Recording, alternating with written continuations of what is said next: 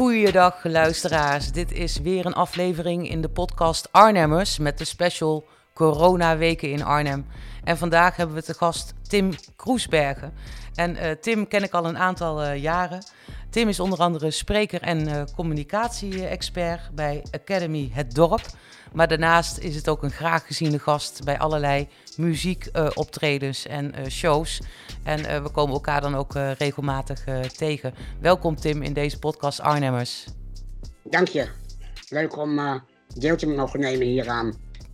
Precies, ik moest ook gelijk uh, aan jou denken voor deze uh, podcast. In de laatste uh, plaats, omdat jij een fysieke beperking hebt. En wat ik zo fijn vond aan je, dat je zei: Ja, maar ik ben nu even geen Arnhemmer. Want ik zit bij mijn ouders in Zevenaar op het moment. En juist dat vind ik een heel mooi gegeven om het ook daarover te hebben. Jij bent dus een aantal dagen geleden, of misschien al een week geleden, ben jij vertrokken naar je ouders. Wil je daarover vertellen? Ja, dat was vorige week donderdag uit mijn hoofd. De eerste speech van Rutte, die heb ik ook bij mijn ouders gezien.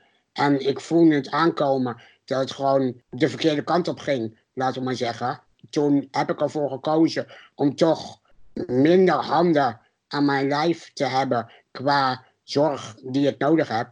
En daarom naar mijn ouders te gaan. Ja, want uh, voor uh, corona, hoe zag, uh, hoe zag jouw leven er toen uit? Hoe verplaats je je onder andere en hoe ging dat voor corona? Voor corona, zoals je zei, was ik dus communicatiemedewerker in Arnhem. En woonde ik in een focuswoning, zoals dat heet. Eigenlijk een normale woning in, de, in Arnhem, zeg maar. Met daarbij 24 uur per dag oproepbaar de zorg die ik nodig had die dan werd verleend door best een groot team aan medewerkers. Ja, dus uh, veel uh, handen, zeg maar. ja, ze noemen dat dan een handen aan het bed of ook veel hulp. Ja, precies. Wat ik ook weet is dat je sinds een aantal jaar ook echt heel veel naar buiten gaat. Dat was voorheen anders. Dus dat je echt ook genoot van de mogelijkheden die, die je had. En nu, hoe, hoe, ziet, ja, hoe ziet jouw leven er nu uit? Heel erg anders. Ik, ja, reizen dat gaat voor mij niet meer. Ik heb naast mijn kwetsbare botten ook kwetsbare longen. Dus mm. ik moet daar enorm voor oppassen. En kom eigenlijk, behalve in de tuin van mijn ouders, waar ik heel blij mee ben dat hij hier echt is. Ik kan hier heerlijk in de zon zitten, als die schijnt. Voor de rest kom ik eigenlijk niet meer buiten de deur. Soms dan uh, lukt het me nog wel iets van werk te doen. Maar als je kijkt hoe gevaarlijk de situatie ook lijkt, en dan met name het aspect van het onbetrouwbaarheid daarin, omdat je niet weet waar het naartoe gaat, dat maakt het wel heel erg eng. Ja, dat kan ik begrijpen. Dat, uh, dat geldt natuurlijk voor iedereen uh, zo, maar voor de mensen die weten dat ze kwetsbaar zijn, nog meer. Zelf heb ik ook een soort beperking op de long, dus ik heb mezelf ook wel rustig gehouden de afgelopen dagen. Ik kom bijna niet buiten. Zoals jij als communicatie-expert, je hebt uh, de laatste jaren ontzettend veel kennis ook gedaan op uh, digitale uh, middelen. Wat kun je nu nog wel doen? Ik, ja, je maakt veel gebruik van messaging en WhatsApp en Zoom bijvoorbeeld. Maar als je kijkt naar sociale media in het algemeen, Twitter en Facebook, dan wordt dat me toch heel snel te veel. Ik kan het daar vrij slecht tegen. Ja, precies. Het is wel een opvallend iets, hè? inderdaad, uh, de social media. Ik merk het zelf ook. Uh, nu met de podcast maken vind ik dat heerlijk om met mensen te spreken, die podcast ook te bewerken. Maar zodra uh, dat klusje eigenlijk klaar is, ja, dan zit je toch weer achter de computer en dan word je een soort van overspoeld door berichtgeving, maar ook hoe andere mensen daarnaar kijken en, en hoe ze dat beleven. Voor Academy het dorp, waar ben je daar op, op dit moment nu voor bezig? Wat, wat zijn de hoofdtaken op het moment? Uh, we zitten in een uh, verhuizing naar een uh, prachtig nieuw gebouw aan de Amsterdamse weg, aan de rand van het dorp. Daar moet veel aan gebeuren. En omdat wij ook adviseren heel veel aan andere zorginstellingen door heel Nederland over de implementatie van met name e-health en digitale middelen in de zorg. En ook ja, van allerlei zaken om de zorg naar een nieuw niveau te krijgen.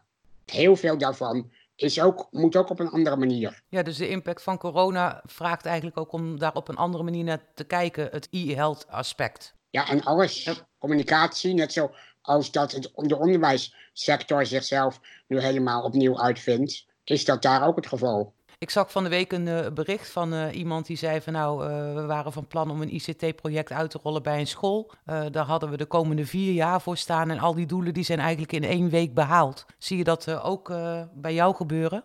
Ik moet zeggen dat omdat corona nog in zo'n beginstadium is, vind ik dat ik heel veel tijd, vooral deze week, nog aan mezelf heb moeten besteden. En nog weinig aan andere dingen ben toegekomen. Ja, dat is natuurlijk ook wel een uh, gegeven. Hè? We zijn uh, een, ja, een, dikke week uh, verder na de maatregelen van vorige week donderdag. Elke dag zakken we er een, een, stukje meer in of dieper in. Hè? Er komt of een nieuwe maatregel of je slaat je brein om het feit heen dat er bepaalde dingen voorlopig niet meer kunnen. Maar je kunt eigenlijk ook nog niet echt vooruit kijken. Dus ik snap helemaal dat de, de eerste aandrang is: oké, wat betekent het voor mij? En dat je vervolgens toch gaat kijken van: oké, wat betekent dat voor anderen en kan ik daar iets in betekenen? Over dat betekenen gesproken. We hebben het al gehad over de kwetsbaarheid van mensen met een, uh, een beperking. Wat is, uh, wat is jouw devies als het gaat over mensen met een beperking en uh, de wil van andere mensen om hulp te bieden? Want je ziet ook heel veel jeugdzorginstellingen en andere zorginstellingen zeggen van nou geen bezoek meer. we doen het met het, met het helpend personeel. Ja, ik zie heel veel initiatieven oppoppen uit de samenleving. En doordat ik mij nog aan distancieer van sociale media, is dat nog maar een heel klein gedeelte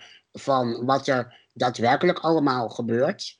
Wat ik ook van anderen hoor. Maar wat ik heel belangrijk vind, is dat veel mensen die denken van, oh, de persoon met een beperking heeft behoefte, behoefte aan boodschappen of aan uh, iets anders. En dan wordt het voor de groep bedacht. Terwijl het mhm. veel efficiënter is om het met de groep te bedenken. Instanties die daarbij zouden kunnen helpen zijn bijvoorbeeld de wijkteams in Arnhem, het APCG, Arnhems platform voor uh, mensen met een chronische handicap dat gebeurt misschien uh, voor, gebeurde voor corona ook al. En dat is ook best wel een, een lastig iets om misschien mee te werken als, uh, als iemand met een beperking. Um, ik weet dat omdat ik onder andere voor de Prokkel, de Prokkel staat voor een prikkelende ontmoeting uh, tussen mensen met en zonder beperking. Ehm, daar werk ik al een aantal jaren aan mee en heb ik ook een event voor georganiseerd. En in dat tijd was het zo dat mensen met en zonder beperking aan elkaar gekoppeld werden. En dan zie je ook al heel snel gebeuren dat mensen zonder beperking denken: Oh, ik weet wat goed voor jou is. Dat ga ik eens even voor jou doen. Dat was eh, voor die tijd natuurlijk ook al zo. Uh, nu is het misschien ook aan de hand, maar dan op een andere manier. De, de wil om te helpen. Maar jij zegt heel duidelijk: vraag aan degene die je wil helpen wat hij of zij daadwerkelijk nodig heeft. En waarom is dat zo belangrijk? Omdat je dan het beste aansluit op de vraag van de, van de persoon. Ja, en de ander ook niet in gevaar brengt, natuurlijk. Nee, precies, ja. Hoe uh, lukt het nu uh, bij jou thuis? Want ehm, uh, je woont uh, nu uh, tijdelijk met je ouders. die waren misschien niet helemaal ingericht op, op een rolstoel, of wel? Ja, ik heb hier in dit huis waar ik nu ben meer dan twintig jaar gewoond. Dus op zich, mm. het huis is in dermate aangepast dat ik erin kan rondrijden, zeg maar. Maar in mijn huis in Arnhem is echt alles aangepast. Dat ik dingen zelf uit de koelkast kan halen. Dat ik zelf mijn handen kan wassen. Wat heel belangrijk is in mhm. deze tijden. En dat mhm. kan hier niet. Heb ik ook meer hulp nodig van mijn ouders. Ja, en, en wat doet dat uh, met jou? Je maakt er het beste van. Zo kijk ik ernaar. Ja, maar ik kan me ook wel uh, voorstellen dat de, de vanzelfsprekende gedachtegang, als je normaal in je eigen huis uh, zou wonen, van hé, hey, ik doe even dit of ik doe even dat. Want ik weet, je hebt ook een, een fantastische stoel die omhoog en omlaag uh, kan. Ik ben altijd heel erg onder de indruk. Maar ik zie ook hoe die middelen jou ontzettend helpen om je vrijheid uh, ja, vast te houden uiteindelijk. En ik kan me ook voorstellen dat ja, die gewenning om dan in een huis te zitten waar je waarschijnlijk wel inderdaad goed rond kunt rijden, maar bepaalde dingen niet meer zelf kunt doen en hulp moet vragen, dat dat ook iets met jezelf uh, doet natuurlijk. Ja. ja, je gaat heel erg op een ander level leven, zeg maar. En, en wat, wat versta je daaronder op een ander level? Dat je minder wenst, dat je gewoon heel erg genoegen neemt met wat mogelijk is. Ja, dat, is, dat vind ik wel herkenbaar. En, en heb, je, heb je daar ook uh, berusting in? Op het ene moment meer dan het andere. Het, je, je probeert zo min mogelijk nieuws tot je te krijgen. Maar dat lukt natuurlijk nooit helemaal. Um, soms dan hoor je iets of dan word je geconfronteerd met je eigen zwakte.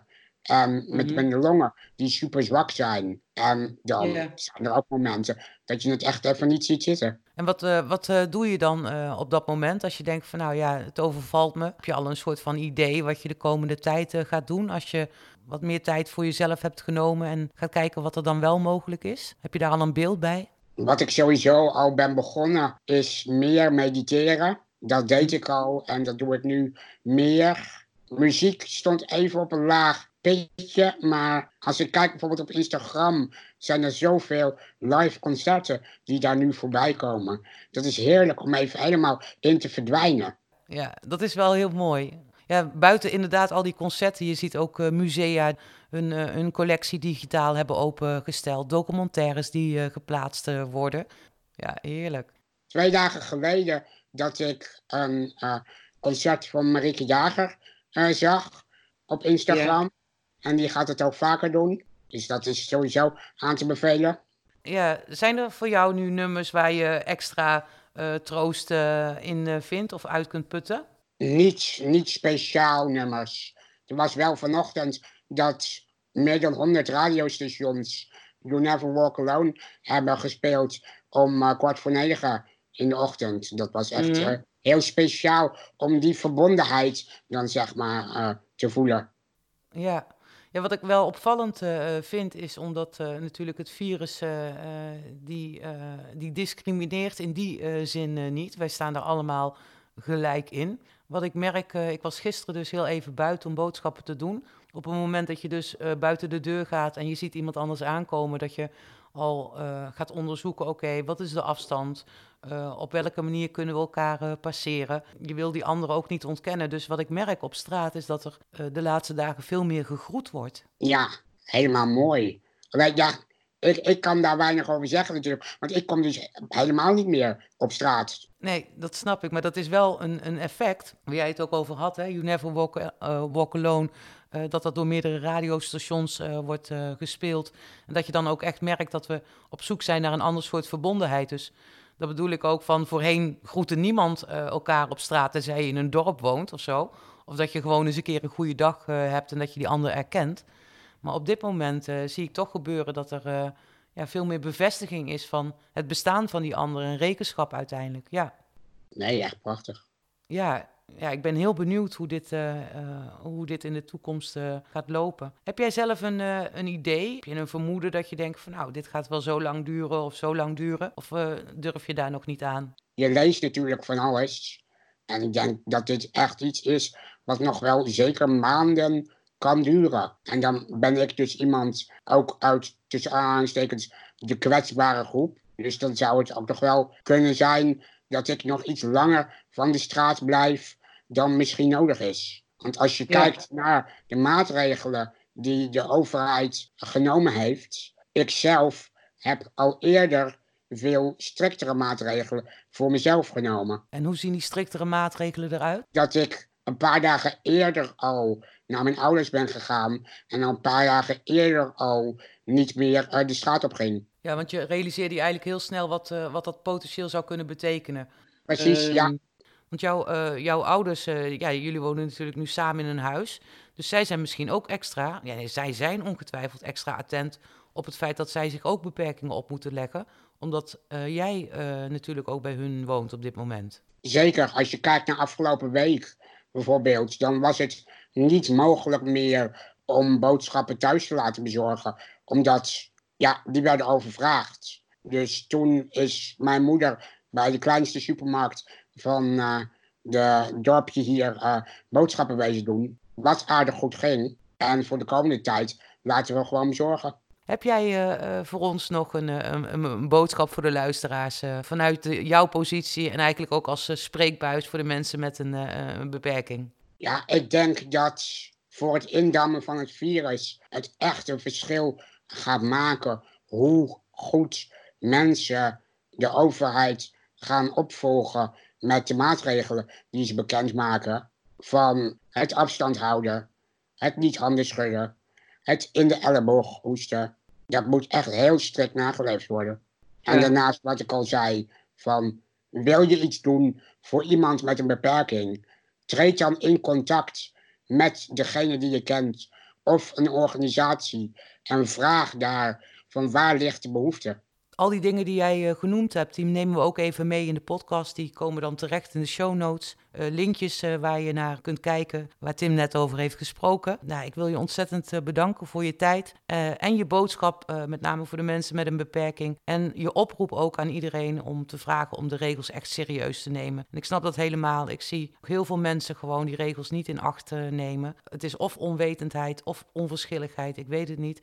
Zeker voor mensen zoals jij die gewend zijn ook om in beperkende eh, omgeving door het lichaam, maar ook in de omgeving zelf eh, daarmee te werken, heel goed beseffen dat je daaraan hou, aan moet houden en dat het ook eh, mensenlevens eh, kan redden uiteindelijk. Dus dank voor je stimulerende woorden en ik hoop je snel weer eens te spreken. Ja, is graag gedaan.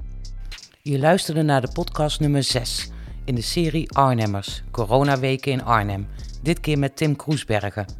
Meer informatie vind je op onze social media kanalen. Zoek dan naar ZOZ Platform. Op de website zoz.com of op emyvanzon.com kun je een kort voicebericht van 90 seconden achterlaten. Dat gaan we dan gebruiken in de podcast Arnhemmers. Wat zou jij de Arnhemmers willen vertellen? We horen het graag van je. Voor meer informatie over de podcast en de linkjes, kijk even naar de show notes bij deze podcast. Binnenkort in deze podcast Arnhemmers onder andere Marlies Rothoff, journalist bij de Gelderlander. We hopen je hier weer te treffen. In de tussentijd, was je handen, houd anderhalve meter afstand, blijf veilig, blijf thuis.